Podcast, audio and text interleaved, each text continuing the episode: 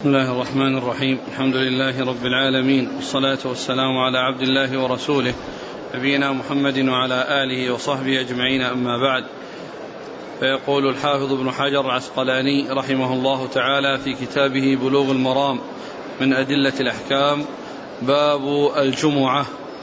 قال عن عبد الله بن عمر وأبي هريرة رضي الله عنهم أنهما سمعا رسول الله صلى الله عليه وآله وسلم يقول على أعواد منبره لينتهين أقوام عن ودعهم الجمعات أو ليختمن الله على قلوبهم ثم ليكونن من الغافلين.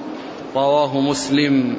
بسم الله الرحمن الرحيم. الحمد لله رب العالمين وصلى الله وسلم وبارك على عبده ورسوله نبينا محمد وعلى آله وأصحابه أجمعين. أما بعد فهذا فهذه أحاديث تتعلق بصلاة الجمعة وقد بدأ الحافظ بن حجر رحمه الله هذا الباب بالتغليظ في تركها أو الحديث الدل على التغليظ في تركها وأن أن, أن ذلك خطير وأنه عظيم وأنه يؤدي إلى أن يكون الإنسان من الغافلين. و والأحاديث التي جاءت في صلاة الجماعة وفضل صلاة الجماعة وكذلك التغليظ في التخلف عنها يعني هي دالة على الجمعة ولكن الجمعة فيها زيادة وهو هذا الحديث الذي جاء عن رسول الله صلى الله عليه وسلم فيما يتعلق بالتغليظ في تركها. فقال عليه الصلاة والسلام لا ينتهي كان يقول على أعواد منبره يعني أنه على على منبر يخطب وهذا يدلنا على آه، أن أن أن هذا الحكم بينه الرسول صلى الله عليه وسلم للناس على منبره صلى الله عليه وسلم وذلك لأهميته حتى يعلم الناس هذا الحكم وحتى يحذروا أن يقعوا في هذا التقصير وفي هذا الأمر الخطير الذي هو التخلف عن عن, عن الجمعة. يقول لينتهي أن أقوام عن ودعهم الجمعات. الودع هو الترك. عن ودعهم الجمعات عن تركهم الجمعات. أي أنهم لا يحضرون الجمعات ويتخلفون عنها. لينتهي أن أقوام عن ودعهم الجمعات أو ليختمن الله على قلوبهم. يعني أن أنه قد يعاقبهم الله عز وجل بأن يختم على قلوبهم. ف ثم يترتب على ذلك أن يكونوا من الغافلين. يترتب على ذلك أن يكونوا من الغافلين فيكون آه، ذنبا جر إلى ذنب يكون ذنبا جر إلى ذنب وعقوبة جرت إلى عقوبة وهو أن الإنسان عندما يترك صلاة الجمعة ويتهاون بها لا يحضر الجماعة لا يحضر الجمعة وإن صلى في بيته ظهرا إلا أنه ترك أمرا واجبا متعينا و ومن آه، العقوبة على ذلك أن يختم على عقل على قلبه. ثم يترتب على ذلك أن يكون من الغافلين. يعني معناه أنه ضرر يجلب ضررا. ضرر يؤدي إلى ضرر. وقد جاء في, في القرآن قول الله عز وجل فلما زاغوا أزاغ الله قلوبهم. فلما زاغوا أزاغ الله قلوبهم. فإن من, من, من, من العقوبة على الزيغ أن يبتلى بإزاغة وأن يعني يبتلى بذنب أشد وبذنب أخطر. فإذا زاغ يترتب على ذلك أن يحصل له الإزاغة وأن ينتقل من من عقوبة شديدة إلى عقوبة أشد أو من ذنب شديد إلى ذنب أشد. أو ليختمن الله على قلوبهم ثم لا يكونن من الغافلين. يعني وإذا كان الإنسان من الغافلين اللاهين المعرضين عن ذكر الله وعن عبادة الله فلا تسأل عما هو فيه من البلاء وما هو فيه من المصيبة العظيمة. وهذا يدلنا على أن المسلم الناصح لنفسه يحرص على على ألا تفوته جمعة ولا جماعة. فيحرص على صلاة الجماعة ويحرص على صلاة, صلاة, صلاة, الجمعة. فلا يتهاون في شيء منها لئلا يتعرض للعقوبة التي توعد الله توعد الله عليها ورسوله صلى الله عليه وسلم في آه، في فيما فيما صح عن رسول الله صلى الله عليه وسلم. لأن السنة وحي من الله عز وجل. السنة السنة التي جاء بها الرسول عليه الصلاة والسلام هي من عند الله. وهي معصية لله ولرسوله صلوات الله وسلامه وبركاته عليه. نعم. وعن سلمة بن الأكوع رضي الله عنه أنه قال كنا نصلي مع رسول الله صلى الله عليه وآله وسلم الجمعة ثم ننصرف وليس للحيطان ظل نستظل به. متفق عليه. واللفظ للبخاري. وفي لفظ لمسلم كنا نجمع معه إذا زالت الشمس ثم نرجع نتتبع الفيء. ثم ذكر الحديث أو هذين الحديثين المتعلقين بالوقت بوقت صلاة الجمعة. وقت صلاة الجمعة هو وقت صلاة الظهر. وقت صلاة الظهر. وهذا هو الذي عليه أكثر العلماء. ومن أهل العلم من قال إنها تصح قبل الزوال. يعني قريبا منه. تصح قبل الزوال قريبا منه. والذين يستدلون على والذين يقولون بأنها يعني لا تفعل إلا بعد الزوال لأن لأنها بدل من الظهر. ولأن الاتيان بها بعد الزوال والأذان يعني يكون بعد الزوال يترتب عليه ألا يتقدم أحد عن وقت الصلاة لمن لمن لا تجب عليه الجمعة. فإذا سمع الأذان يعني بعد الزوال يصلي. ولكنها لو قدمت أو لو قدم الأذان فإنه يترتب على ذلك أنه قد يصلي بعض الناس. وقد جاء في بعض الأحاديث ما يدل على أن أنها تصح قبل الزوال. قد جاء في ذلك حديث صحيح عن رسول الله صلى الله عليه وسلم أنهم كانوا يصلون الجمعة ثم يريحون يعني يريحون رواحلهم إذا زالت الشمس. إذا إذا زالت الشمس. ومعنى ذلك أنهم صلوا قبل. لكن آه هؤلاء الذين يقولون بأن الصلاة تجوز قبل الزوال يقول أولى ألا تكون بعد إلا بعد الزوال.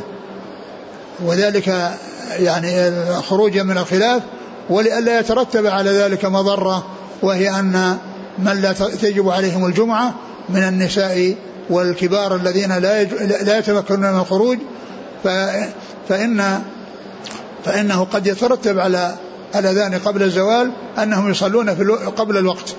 ومعلوم أن صلاة الظهر لا تكون إلا بعد الزوال. وإن صحت الجمعة قبل الزوال في قول بعض أهل العلم إلا أن الاتيان بها بعد الزوال هو الأولى وهو الأحوط وهو الذي يكون فيه السلامة من أن يترتب على ذلك مضرة. فسلمة بن الأكوع رضي الله تعالى عنه يقول كنا ن ن ن قال كنا نصلي مع رسول الله صلى الله عليه وسلم الجمعة ثم ننصرف وليس للحيطان ظل نستظل به. كنا نصلي مع النبي صلى الله عليه وسلم الجمعة ثم ننصرف وليس للحيطان ظل يستظل به. فهذا الحديث يستدل به من يقول إنها تصلى قبل الزوال ومن يقول إنها تصلى بعد الزوال. لأن الذي يقول إنها تصلى يعني بعد الزوال أو قبل الزوال يقول ان نرجع وليس للحيطان وليس للحيطان ظل يستظل به. الحيطان هي الجدران. فالقيد إما أن يكون أما يكون النفي للمقيد أو يكون للقيد. أو يكون للقيد. فإنهم إذا يعني إذا إذا أريد به أنه ظل يستظل به أنهم يصلون بعد الزوال ولكنه يبقى ظل أو يوجد ظل لا يستظل به. لا يستظل به. فالنفي إنما هو للقيد. ومعنى ذلك أن فيه ظل ولكنه لا يستظل به. وأما إذا كان قبل الزوال فهو راجع إلى الأصل راجع إلى أصل الظل وأنهم يرجعون وليس للحيطان ظل. يعني فهو راجع إلى القيد ولكن كونه يصير راجعا إلى أن أن أن أنه يستظل به وأنه حصلت الصلاة بعد بعد الأذان بعد الزوال فإن هذا لا شك أنه القول الأحوط والقول الأقرب. ثم ذكر الحديث الثاني الذي قال ما كنا ما كنا. كنا. ها؟ كنا. ها. نجمع معه إذا زالت الشمس ثم نرجع نتتبع الفيء كنا نجمع إذا زالت الشمس. يعني أن أن التجميع يكون بعد الزوال. ثم نرجع نتتبع الفي يعني أن الفي مو طويل. يعني معناه أنهم يعني يحرصون على الفي ليستظلوا به من من من حر الشمس. يعني يرجعون يتتبعون الفي لأن الصلاة صليت في أول وقتها. فيرجعون وليس هناك ظل طويل يعني آه يعني آه يفيدهم وإنما يقول نرجع نتتبع الفي يعني لعدم طوله ولأنهم يريدون بتتبعه السلامة من حرارة الشمس بأن يعني يستظلوا بهذا الظل الغير العريض الغير الواسع. نعم. وعن سهل بن سعد رضي الله عنهما أنه قال ما كنا نقيل ولا نتغدى إلا بعد الجمعة. متفق عليه واللفظ لمسلم وفي رواية في عهد رسول الله صلى الله عليه وسلم. ثم ذكر هذا الحديث عن أنه قال ما كنا نقيل ولا نتغدى إلا بعد الجمعة وذلك في عهد رسول الله صلى الله عليه وسلم. وهذا يدلنا على أنهم كانوا في غير يوم الجمعة يقيلون ويتغدون قبل الزوال. يقيلون ويتغدون قبل الزوال. يقيلون يعني ينامون, ينامون, ينامون النومة التي هي القيلولة والتي يستريحون فيها سواء كان فيه نوم أو يعني آه، آه، استراحة. وإن لم يحصل نوم وكانوا يفعلون ذلك في قبل الزوال. ولكنهم في يوم الجمعة ما يتمكنون من هذا الذي يتمكنون فيه بقية الأيام لأنهم يبكرون إلى الجمعة. يبكرون إلى الجمعة فلا يكون هناك مجال للغداء والقيلولة وإنما كانوا يحصل ذلك منهم بعد الزوال بعدما يصلون. لأنهم قبل الصلاة يبكرون ويبقون في المسجد ينتظرون الصلاة. فهذا يدلنا على أنهم في غير يوم الجمعة يقيلون ويتغدون قبل الزوال وأنه يوم الجمعة لا يستطيعون ذلك إلا بعد الزوال. وهذا يدل على يعني أن أن أنه أنهم يبكرون يعني بها في أول وقتها أو أنهم يأتون بها قبل الزوال لكن عرفنا أنه حتى ولو صح أنه قبل الزوال فإن الأولى أنه يكون بعد الزوال. حتى الذين قالوا بأنه جائز عندهم الأولى أنه يكون بعد الزوال. نعم. وعن جابر رضي الله عنه أن النبي صلى الله عليه وآله وسلم كان يخطب قائما فجاءت عير من الشام فانفتل الناس إليها حتى لم يبق إلا إثنا عشر رجلا رواه مسلم.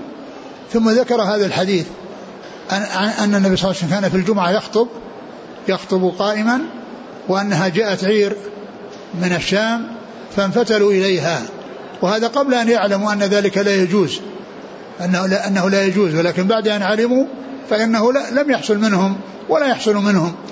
وقبل ذلك كانوا ليس عندهم شيء يدل على لزوم البقاء وأيضا ما كانوا فيه من شدة الفاقة ومن الحرص على أن يحصلوا شيئا يأكلونه لقلة ما يحصلونه من من من من, من الطعام فلما جاءت هذه العير يعني آه، خرج جماعة منهم آه، ولكنه بعد أن علموا فإن ذلك لم يحصل من أحد منهم رضي الله عنهم وأرضاهم.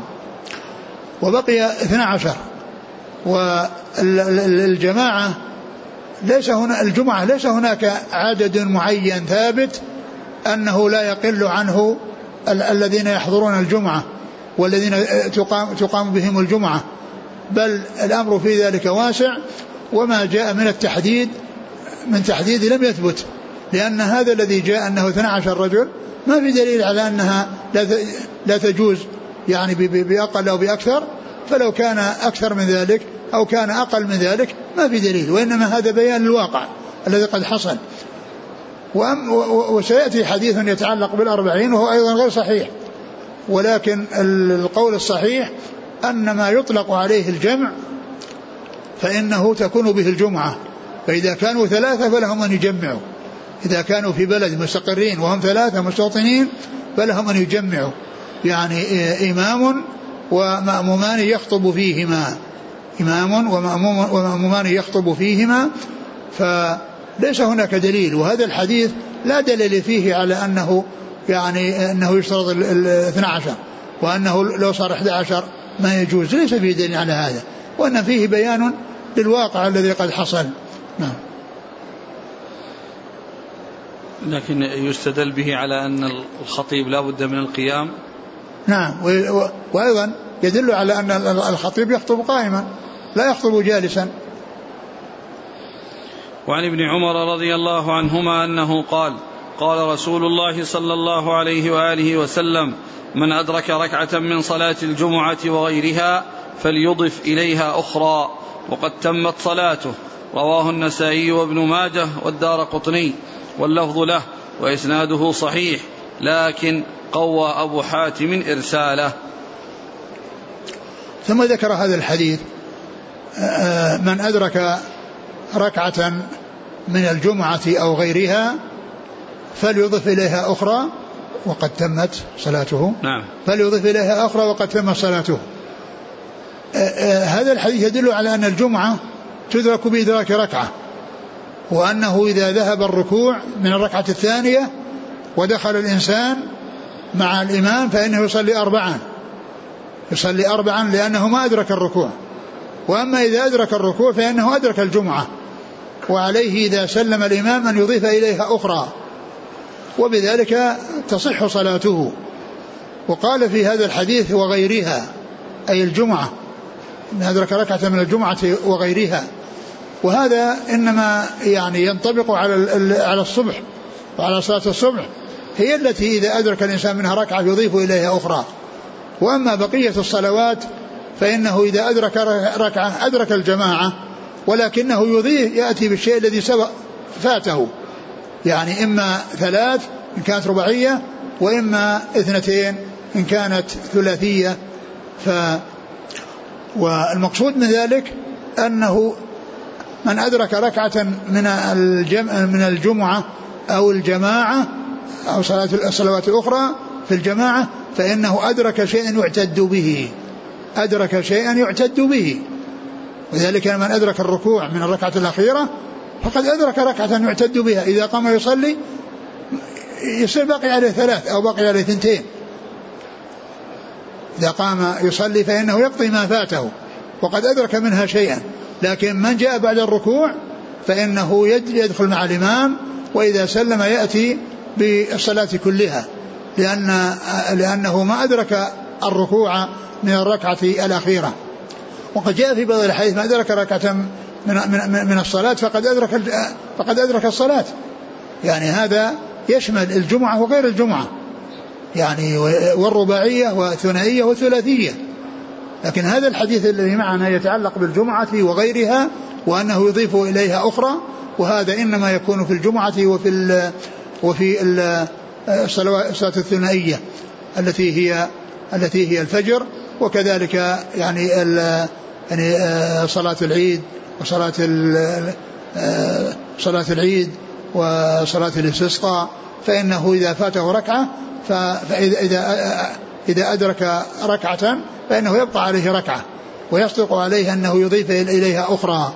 وأما بالنسبة للصلوات الأخرى الثلاثية والرباعية فإنه آه، لا يضيف إليها أخرى وإنما يضيف إليها الذي بقي عليه. يضيف ثلاثا إذا كان أدرك ركعة من الرباعية ويضيف اثنتين إذا كان أدرك ركعة من الثلاثية. وعن جابر بن سمرة رضي الله عنهما أن النبي صلى الله عليه وآله وسلم كان يخطب قائما ثم يجلس ثم يقوم فيخطب قائما فمن أنبأك أنه كان يخطب جالسا فقد كذب أخرجه مسلم. ثم ذكر هذا الحديث الذي فيه أن الجمعة لها خطبتان وأنه يجلس فيهما يجلس بينهما جلسة خفيفة وأنه يخطب قائما وذلك أنه يعني فيه يعني فيها جلسة يعني ومعنى ذلك أنه آه، يأتي بالخطبتين وهو قائم ويجلس بينهما فكان يخطب قائما ثم يجلس فهذا كله يبين أن الخطبة تكون عن قيام. لأنه كان في تنصيص على أنه يكون يكون قائما وعلى أنه يجلس والجلوس يدل على الجلوس لا يكون إلا عن قيام. الجلوس لا يكون إلا عن قيام. فهذا فيه بيان القيام في خطبة الجمعة في الخطبتين الجمعة وأنه يجلس بينها بينهما وأنه لا يخطب جالسا. نعم. وعن جابر بن عبد الله رضي الله عنهما أنه قال كان رسول الله صلى الله عليه وآله وسلم إذا خطب احمرت عيناه وعلى صوته واشتد غضبه حتى كأنه منذر جيش. يقول صبحكم ومساكم. ويقول أما بعد فإن خير الحديث كتاب الله وخير الهدي هدي محمد وشر الأمور محدثاتها وكل بدعة ضلالة. رواه مسلم.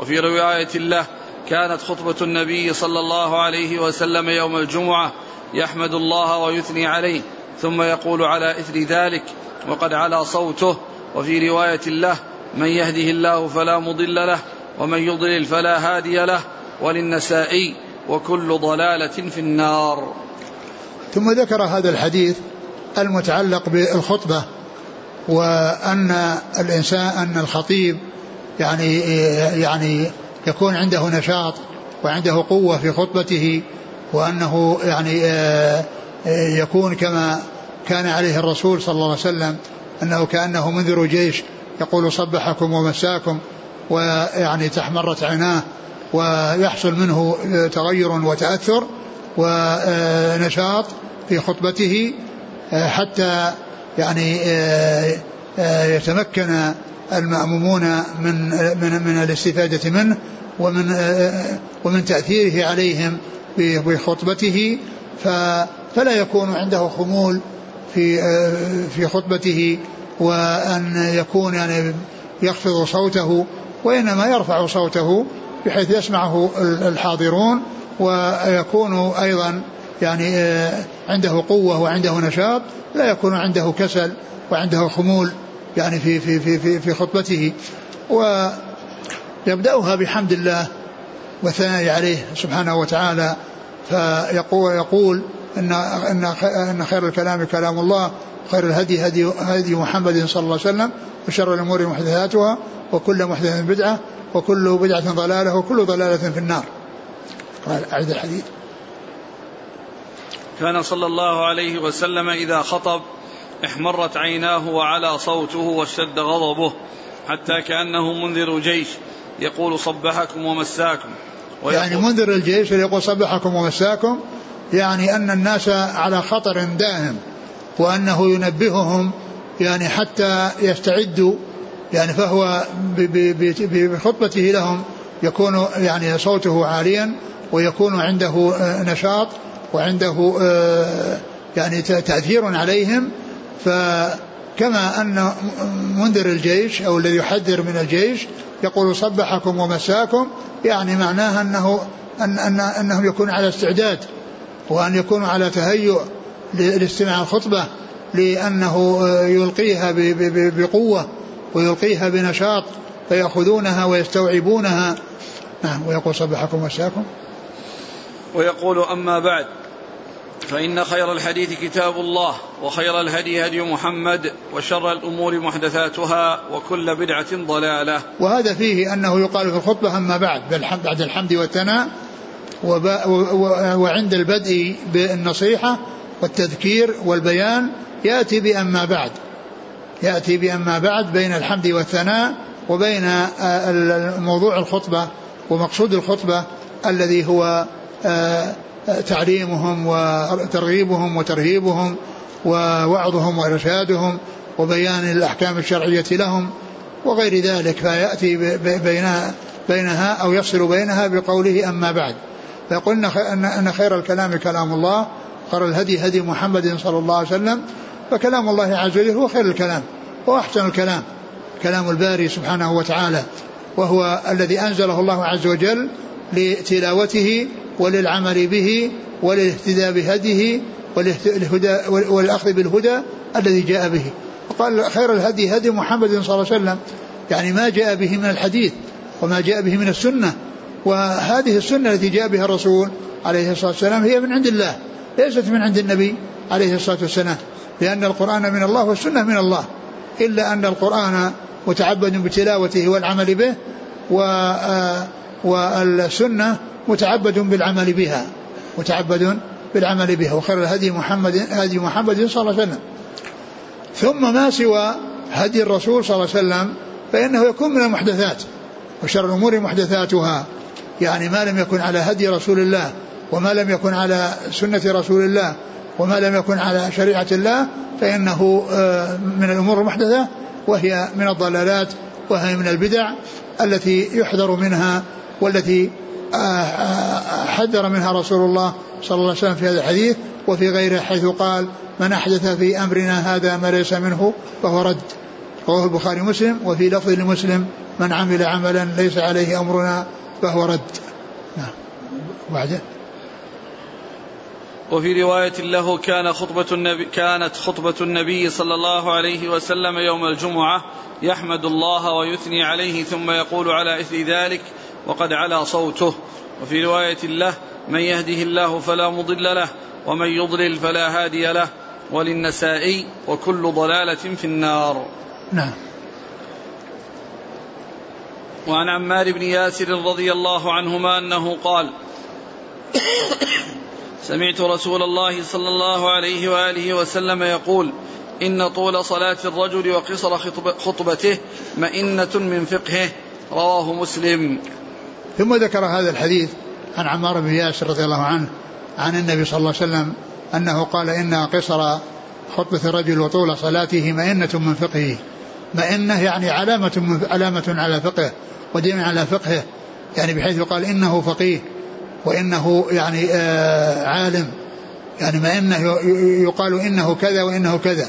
فهي علامة عليه ودلالة دلالة عليه. وهذا يعني يدل على أن الخطبة إذا اعتني بها واختصرت وكانت جامعة وكانت وافية مع اختصارها فإن هذا هو الذي آه، يدل عليه هذا الحديث. هذا هو الذي يدل عليه هذا الحديث. يعني بحيث تكون مع قصرها مستوفية للمقصود وافية بالمطلوب بحيث يعني يفهمها المأمومين المأمومون ويعقلوها و يعني تكون ثابتة عندهم لوضوحها ولبيانها. وأما إذا أطيلت وكان الطول فيها يعني لا يحصل به المقصود فإن هذا يضيع بعضها بعضا. يضيع بعضها بعضا. يعني بعض الخطبة يضيع بعضها بعضا.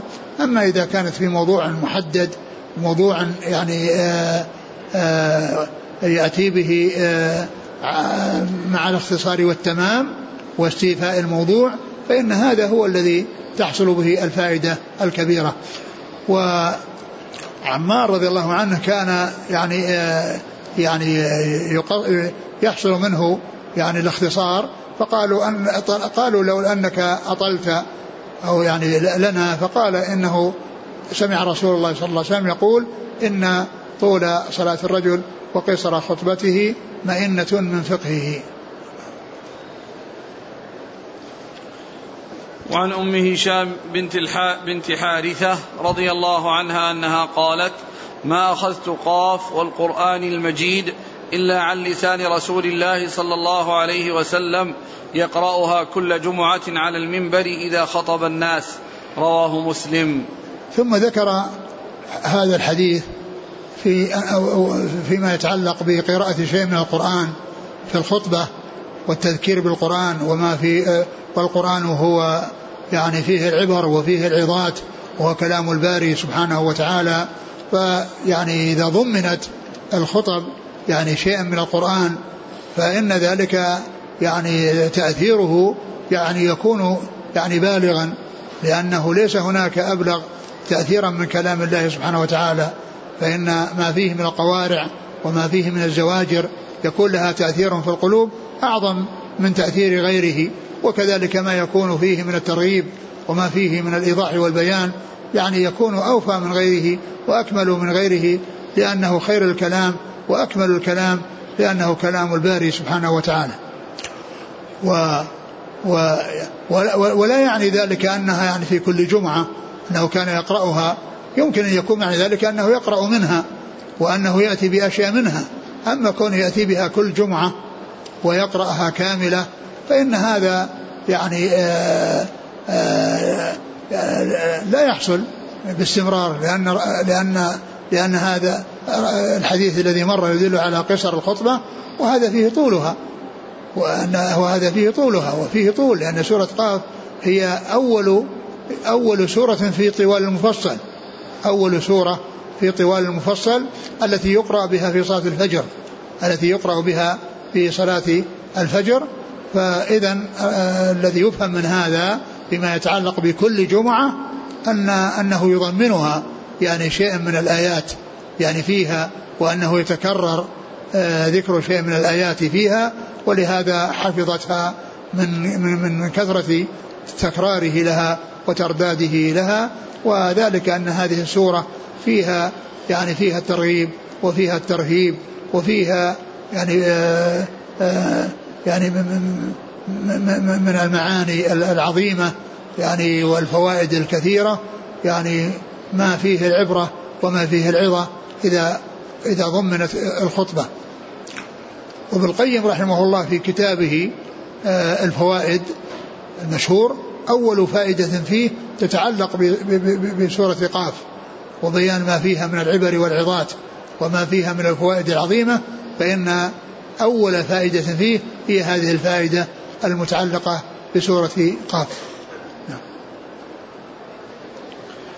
وعن ابن عباس رضي الله عنهما أنه قال قال رسول الله صلى الله عليه وآله وسلم من تكلم يوم الجمعة والإمام يخطب فهو كمثل الحمار يحمل أسفارا والذي يقول له أنصت ليست له جمعة. رواه أحمد بإسناد لا بأس به. وهو يفسر حديث أبي هريرة في الصحيحين مرفوعا إذا قلت لصاحبك أنصت يوم الجمعة والإمام يخطب فقد لغوت. أعد. عن ابن عباس رضي الله عنهما أنه قال قال رسول الله صلى الله عليه وآله وسلم من تكلم يوم الجمعة والإمام يخطب فهو كمثل الحمار يحمل أسفارا والذي يقول له أنصت ليست له جمعة. رواه أحمد بإسناد لا بأس به. وهو وهو يفسر حديث أبي هريرة في الصحيحين مرفوعا إذا قلت لصاحبك أنصت يوم الجمعة والإمام يخطب فقد لغوت. ثم ذكر يعني هذا الحديث الذي يتعلق بالإنصات للجمعة. وأن آه، آه، الخطبة يوم الجمعة وأن ال ال أن أنه آه، يعني يكون الإنصات عند الخطبة. قال من تكلم والإمام يخطب. فهذا يدلنا على أنه إذا كان قبل قبل الخطبة وبعد الخطبة وبين الخطبتين أنه لا بأس به لأن المنع والذم إنما يحصل لمن يعني يحصل ذلك والإمام يخطب وذلك للتشاغل عن الخطبة. وذلك فيه التشاغل عن الخطبة وعدم الاستفادة منها مع أن شأنها عظيم والخطبتان لازمتان في الجمعة و و وفائدتهما كبيرة.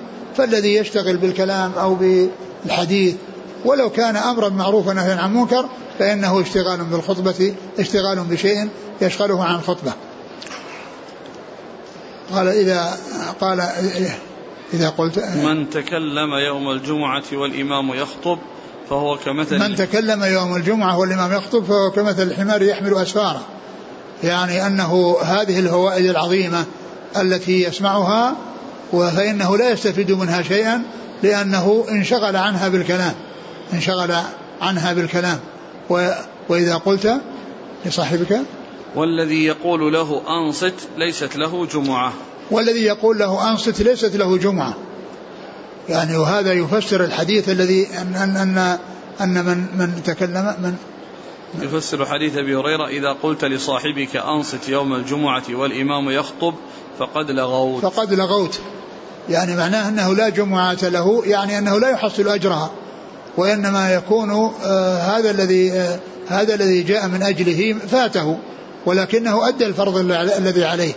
أدى الفرض الذي عليه وصحت صلاته وأنه لا يعيد الصلاة لأنه آه إنما يعني حصل يعني منه يعني أنه فاته أجر الجمعة والذي تعب من أجل الوصول إليها فإنه يفوت أجر الجمعة.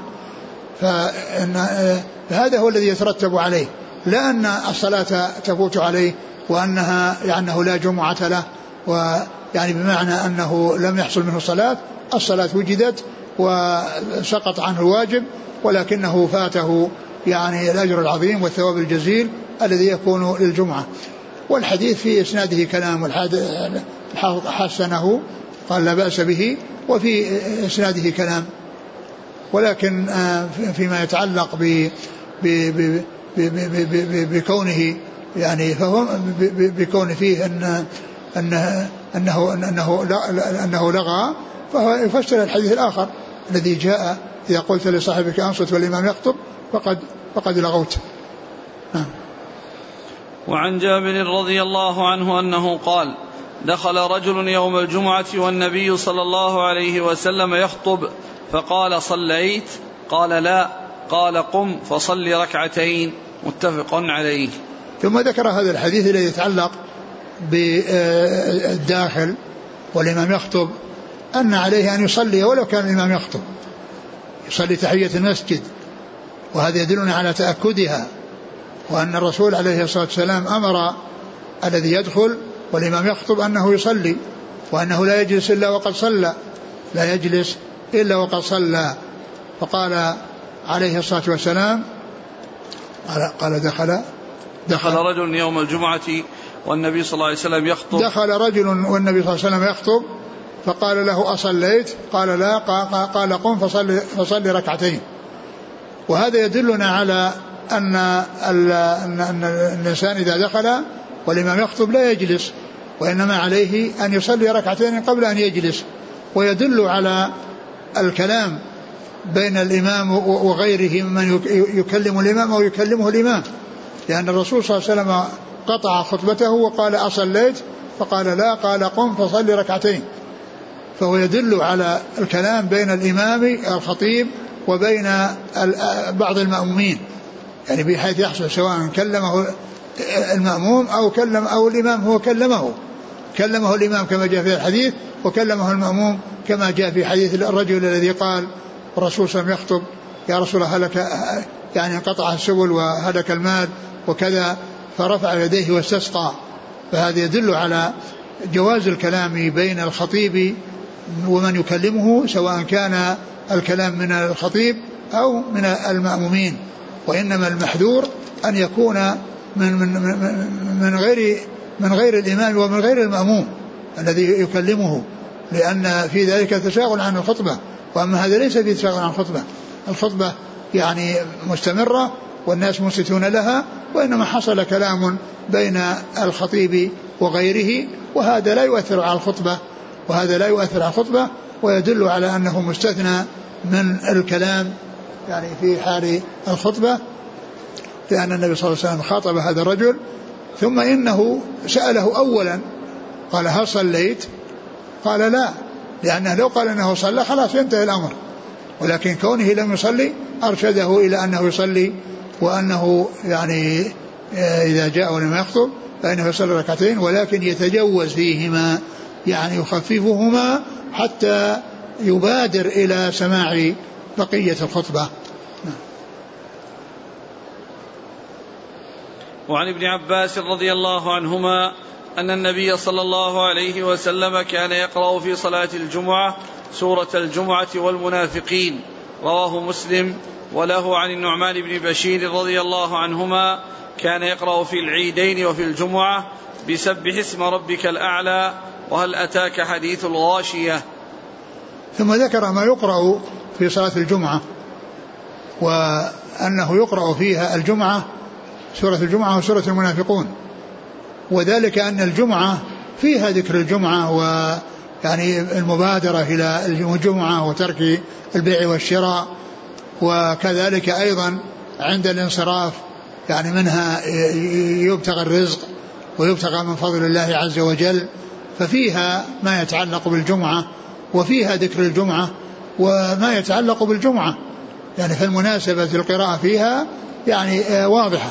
وأما سورة المنافقون فقراءتها معها لأن المنافقين يأتون للجمعة أكثر مما يأتون لغيرها لغيرها من الصلوات لأن يعني يحصل منهم يعني ليست غيرها. فناسب أن تقرأ لما فيها من التذكير لهم والتنبيه لهم والزواجر التي تزجرهم بحيث ينبهون يعني عليها وعلى ما فيها لعل في ذلك سببا لأن, لأن لعل ذلك يكون سببا في في هدايتهم. فيكون الجمعة من أجل آه، سورة الجمعة من أجل أن فيها شيء من أحكام الجمعة وسورة المنافقين لأنه يحضر فيها المنافقون آه، ما لا يحضرون في غيرها فناسب أن تقرأ في الصلاة حتى يعني تكون تنبيها لهم وتذكيرا لهم. لعل الله عز وجل أن يهدي من شاء منهم أن يهديهم أو يهدي من شاء منهم. نعم. ثم ذكر الحديث الذي فيه أيضا أنه يقرأ فيها بالجمعة بالعيد, بالعيد كما يقرأ فيها الجمعة. يسبح اسم ربك الأعلى. وهذا هذه آه، آه، هذا يعني ذكر أيضا ما ما يقرأ في الجمعة والعيد. وهو سبح اسم ربك الأعلى وهذا تاك حديث الغاشية. يعني فإنه يجمع بين هاتين السورتين ويجمع بين هاتين السورتين. هذا جاء في الجمعة وذاك جاء في العيدين وفي الجمعة.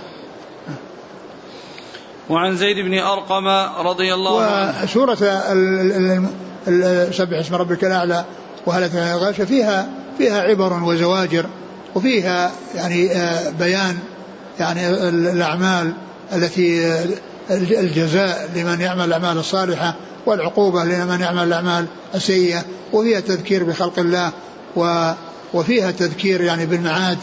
يعني فلذلك ناسب أن آه، أو, أو هذه من مناسبة قراءة هاتين السورتين في العيدين وفي الجمعة. وعن زيد بن أرقم رضي الله عنه أنه قال صلى النبي صلى الله عليه وآله وسلم العيد ثم رخص في الجمعة فقال من شاء أن يصلي فليصلي رواه الخمسة إلا الترمذي وصححه ابن خزيمة. وجاء أيضا أنه يقرأ في الجمعة يعني آه، سورة الجمعة هو سورة الغاشية. يعني السورة الأولى من السورتين السورتين اللي اللي هي الجمعة المنافقين والسورة الأخيرة من السورتين اللتين هما آه، الأعلى والغاشية. ثم ذكر هذا الحديث الذي يتعلق بموافقة آه، يوم الجمعة أن يكون يوم عيد. إذا وافق عيد يوم جمعة فإنه من صلى العيد فإنه له أن يتخلف عن الجمعة.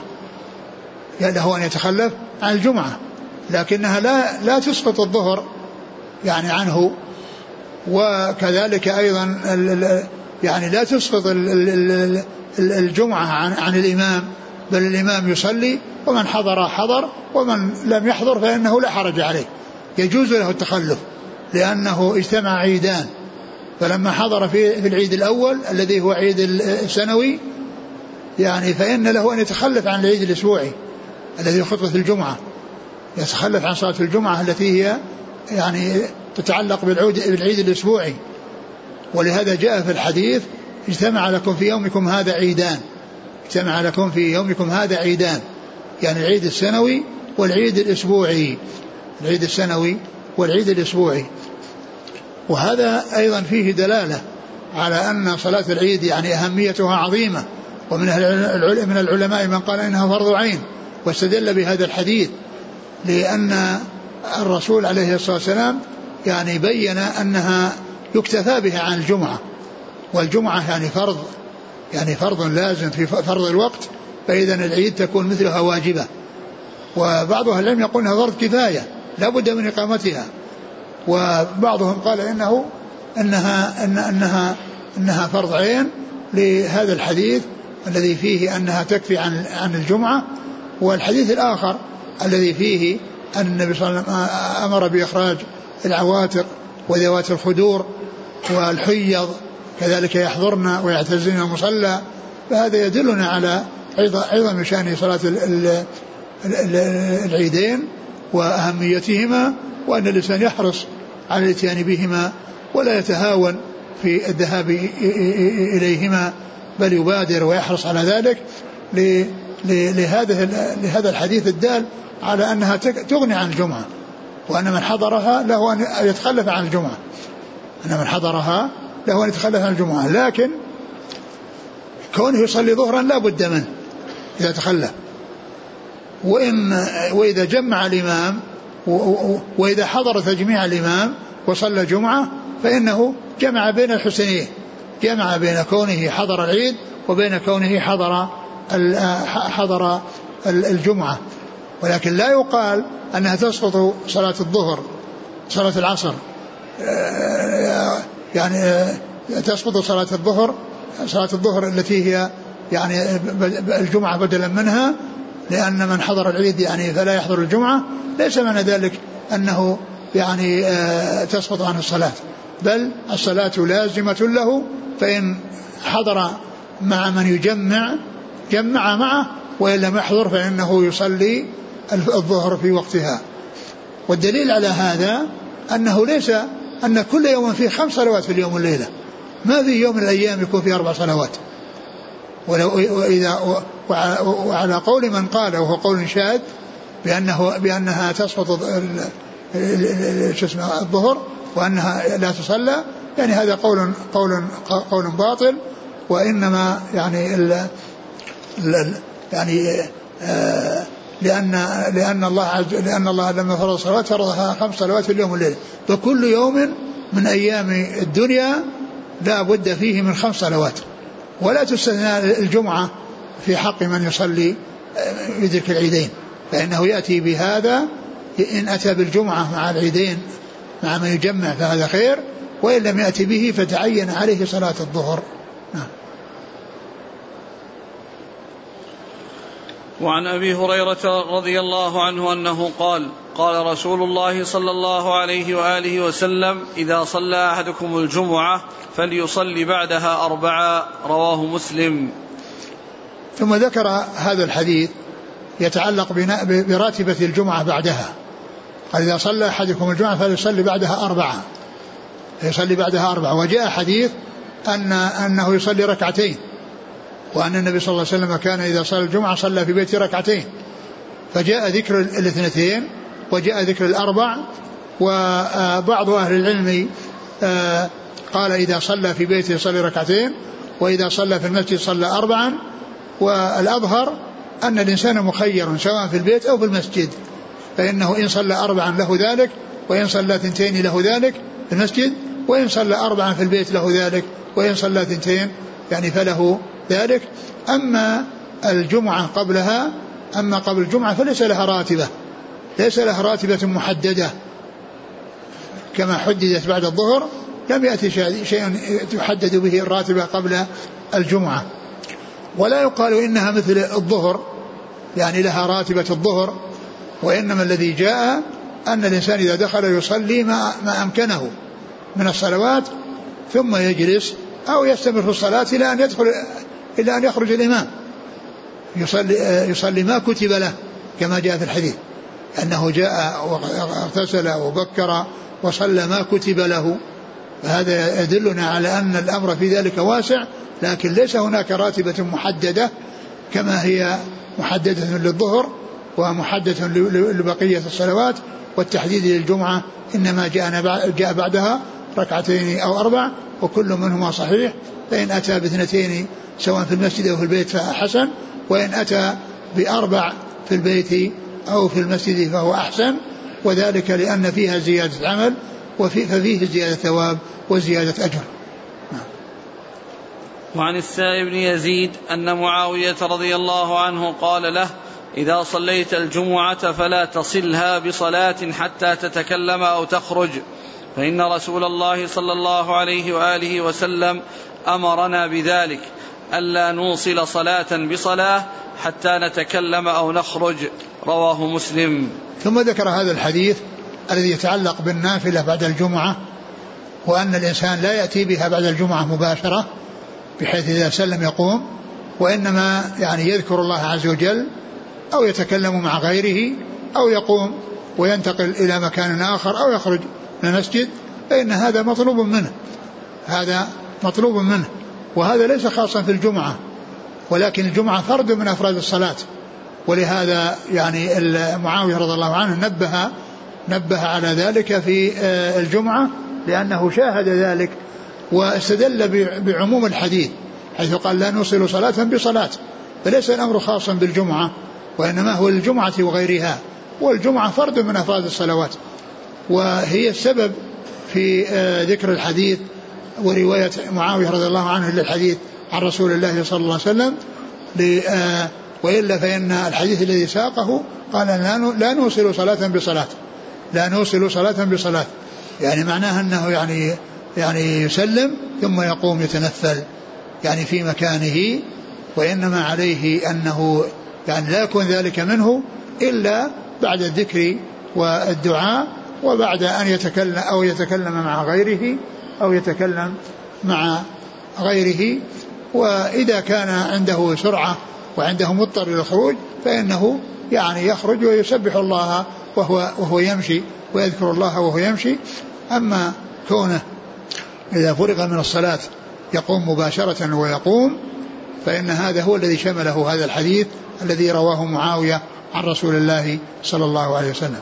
وعن أبي هريرة رضي الله عنه أنه قال قال رسول الله صلى الله عليه وآله وسلم من اغتسل ثم أتى الجمعة فصلى ما قدر له ثم أنصت حتى يفرغ الإمام من خطبته ثم يصلي معه غفر له ما بينه وبين الجمعة الأخرى وفضل ثلاثة أيام. رواه مسلم. ثم ذكر هذا الحديث المتعلق بالاغتسال للجمعة والتبكير لها وأنه يصلي ما كتب له وأنه يعني آه فإنه يكون له يعني من الأجر يعني يغفر له ما بين الجمعة والجمعة الأخرى وثلاثة أيام لأن الحسنة بعشر أمثالها. يعني فيضاف ثلاثة أيام لتكون عشرا وتكون الحسنة بعشر أمثالها. فهذا يدلنا على أن الجمعة ليس لها سنة قبلية ولكن الإنسان يصلي ما كتب له. يعني ما يعني الشيء الذي يأتي به والذي كتبه الله عليه بدون تعديد والذي كتبه الله عليه بدون تعديد وإذا جاء الخطيب فإنه ينصت. وعن وعن أبي وعنه رضي الله عنه أن رسول الله صلى الله عليه وسلم ذكر يوم الجمعة فقال فيه ساعة لا يوافقها عبد مسلم وهو قائم يصلي يسأل الله عز وجل شيئا إلا أعطاه إياه وأشار بيده يقللها. متفق عليه وفي رواية لمسلم وهي ساعة خفيفة. وعن أبي بردة عن أبيه رضي الله عنه أنه قال سمعت رسول الله صلى الله عليه وسلم يقول هي ما بين أن يجلس الإمام إلى أن تقضى الصلاة. رواه مسلم. ورجح الدار قطني أنه من قول أبي بردة. وفي حديث عبد الله بن سلام عند ابن ماجه وجابر عند أبي داود والنسائي أنها ما بين صلاة العصر إلى غروب الشمس وقد اختلف فيها على أكثر من أربعين قولا أمليتها في شرح البخاري. ثم ذكر هذه الحديث الثلاثة المتعلقة بساعة الجمعة والجمعة فيها ساعة يعني فيها يعني من ميزات الجمعة ومن فضائلها أن فيها ساعة يستجاب فيها الدعاء. أن فيها ساعة يستجاب فيها الدعاء وقد كثرت الأقوال فيها ولكنها ترجع إلى قولين أحدهما ما جاء في هذا الحديث في هذين الحديثين أنها من حين يدخل الخطيب إلى أن يفرغ من الصلاة والثاني أنها في آخر يعني ساعة من يوم الجمعة أنها في آخر ساعة من يوم الجمعة. والأقوال يعني أرجحها وأولاها. يعني يعني هذان القولان اللذين دل عليهما هذا الحديث وأصح القولين هو أنها آخر يعني ساعة من يوم الجمعة آخر ساعة من يوم الجمعة. وإذا حرص الإنسان على أن يأتي وعلى أن يدعو في آه، الجمعة يعني في صلاته و آه، يعني في آه، من حين دخول الإمام يعني بحيث يستمع الخطبة ويؤمن يعني على دعائه وكذلك يدعو يعني بين بين الخطبتين وكذلك يعني يدعو في سجوده وفي صلاته ويلح في الدعاء. فالجمع بين هذين ال ال ال يعني هذين الزمنين وهذين الوقتين يعني ينبغي للإنسان. والحديث الحديث الأول وإن كان في صحيح مسلم إلا أنه متكلم فيه وهو مما استدركه الدار قطني على مسلم. وفيه علتان فيه الانقطاع في إسناده وفيه الوقف على أبي بردة الذي هو ابن أبي موسى الأشعري. أقرأ الحديث الأول. عنه أن رسول الله صلى الله عليه وسلم ذكر يوم الجمعة فقال فيه ساعة لا يوافقها عبد مسلم وهو قائم يصلي يسأل الله عز وجل شيئا إلا أعطاه إياه وأشار بيده يقللها. يعني أنها ساعة ليست طويلة ليست طويلة. لأن النبي صلى الله عليه وسلم أشار بيده يقللها. أشار بيده يقللها يعني أنها شيء قليل. وصفة الإشارة جاءت أنه كان يضع أصبعه الإبهام في بين بين السبابة وبين الوسطى والخنصر. يعني يعني ما أنها أنها شيء قليل. ف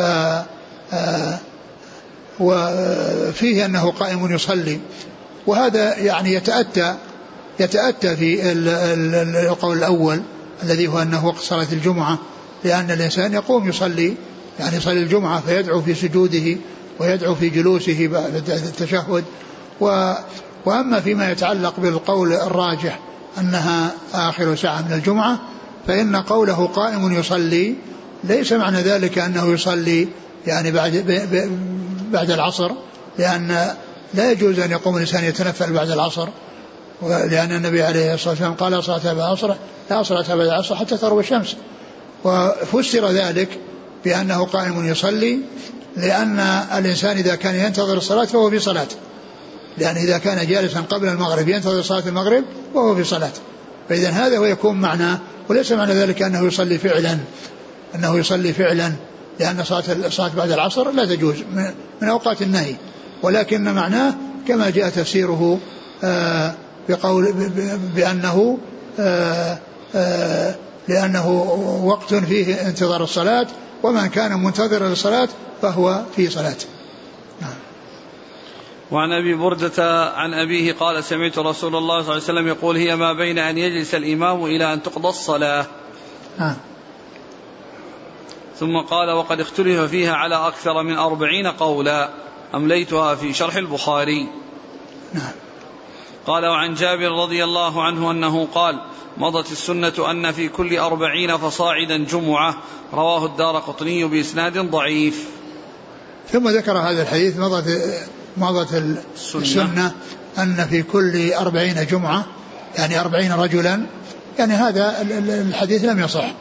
وكما قلت في الأول أن أحسن ما قيل أنها تنعقد بثلاثة لأنه أقل الجمع يعني خطيب واثنان يخطب فيهما أو يخطب يخطب فيهما.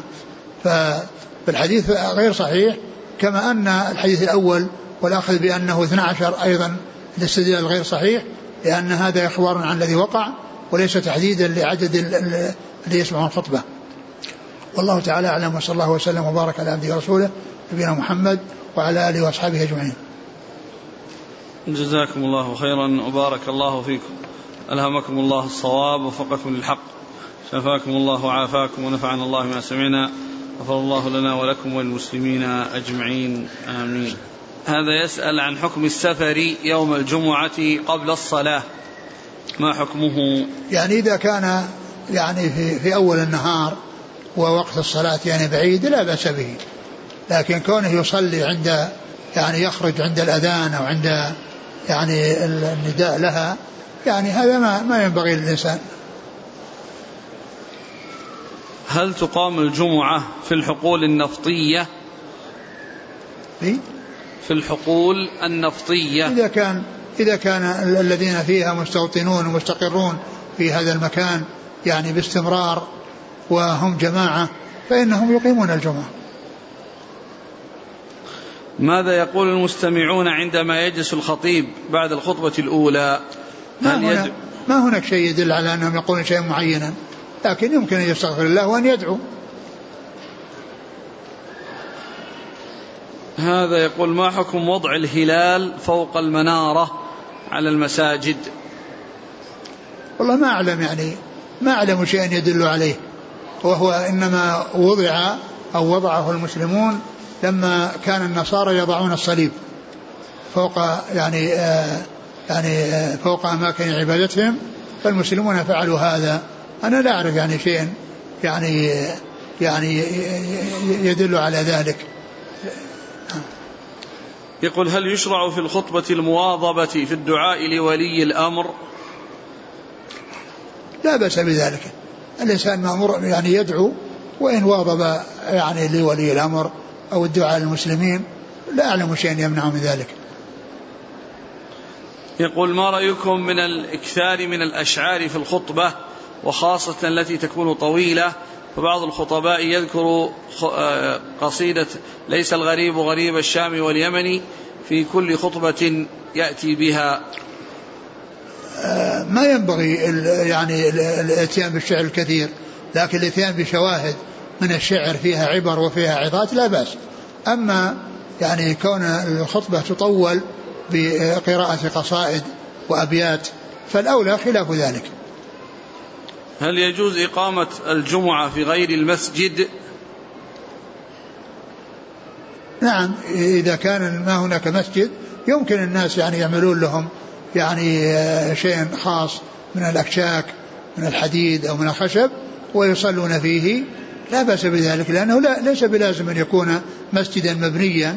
فإذا كان مسجدا متخذا يعني في وقت مؤقت يعني حتى يبنوا مسجد من من من الأخشاب أو من الحديد لا بأس بذلك.